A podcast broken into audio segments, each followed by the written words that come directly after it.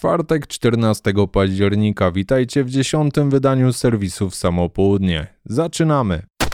Umarex wypuścił na rynek paintballową licencjonowaną replikę Glocka 17 piątej generacji o nazwie Glock 17 T4E. Dzięki uzyskaniu licencji producenta broni palnej austriackiej firmy Glock, marker posiada stuprocentową zgodność wymiarów zewnętrznych z oryginałem. Z założenia replika Umarexa pretenduje do tytułu pistoletu treningowego, a hasło reklamowe brzmi Paint Compete Perform. T4E jest zasilany z 12-gramowych kapsuł CO2 chowanych w magazynkach. Pojedyncza kapsuła ma pozwolić na oddanie od 80 do 90 strzałów z prędkością początkową 110 metrów na sekundę. Magazynek mieści 8 kul z farbą kalibru 43 lub kule pudrowe. Specjalna limitowana partia oznaczona jako First Edition ma w zestawie dodatkowo polimerowe pudełko identyczne z tym w jakich sprzedawane są pistolety austriackiego producenta oraz wymienne nakładki na grzbiet chwytu pistoletowego w rozmiarach M i L, zarówno bez jak i z bobrzym ogonem. Taki zestaw u Marexa T4E kosztuje na amerykańskim rynku około 350 dolarów. Link do strony producenta w opisie.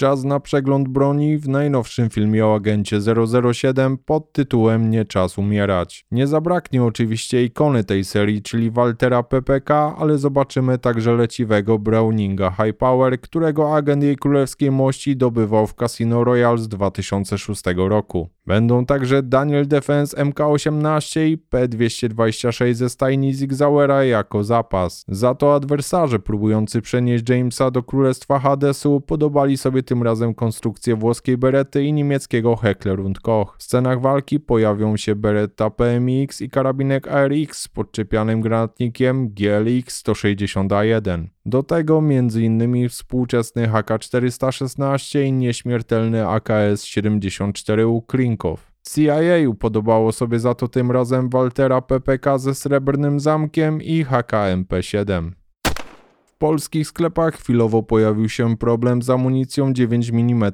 Parabellum. Powodem może być wypadek w fabryce czelskiego producenta amunicji firmy Sellier Bellot sprzed trzech tygodni. 20 września w fabryce w miejscowości Vlasim, 60 km od Pragi, doszło do wybuchu trójnitrorezocenianu ołowiu inicjującego materiału wybuchowego stosowanego na szeroką skalę w przemyśle zbrojeniowym, między innymi w spłonkach amunicji strzeleckiej. Źródła podają różne liczby, ale z wiadomości wynika, że zginęły przynajmniej trzy osoby, a do wybuchu doszło w czasie transportu materiału z hali produkcyjnej do magazynu. Jako, że amunicja Sellier Bellot jest w naszym kraju bardzo popularna i stanowi większość sprzedaży amunicji pistoletowej 9 mm Parabellum, łatwo powiązać ze sobą te fakty. Póki co nie ma co panikować, sytuacja powinna się ustabilizować w ciągu tygodnia czy dwóch. Polskie firmy elaborujące amunicję działają normalnie, a panika i wykupywanie amunicji na zapas spowoduje tylko niepotrzebny strzelcom wzrost cen. To tyle w dzisiejszym serwisie. Do Waszej dyspozycji pozostaje oczywiście skrzynka kontaktowa kontakt małpa w samopołudnie.pl. Mail i linki także w opisie odcinka. Do usłyszenia jutro.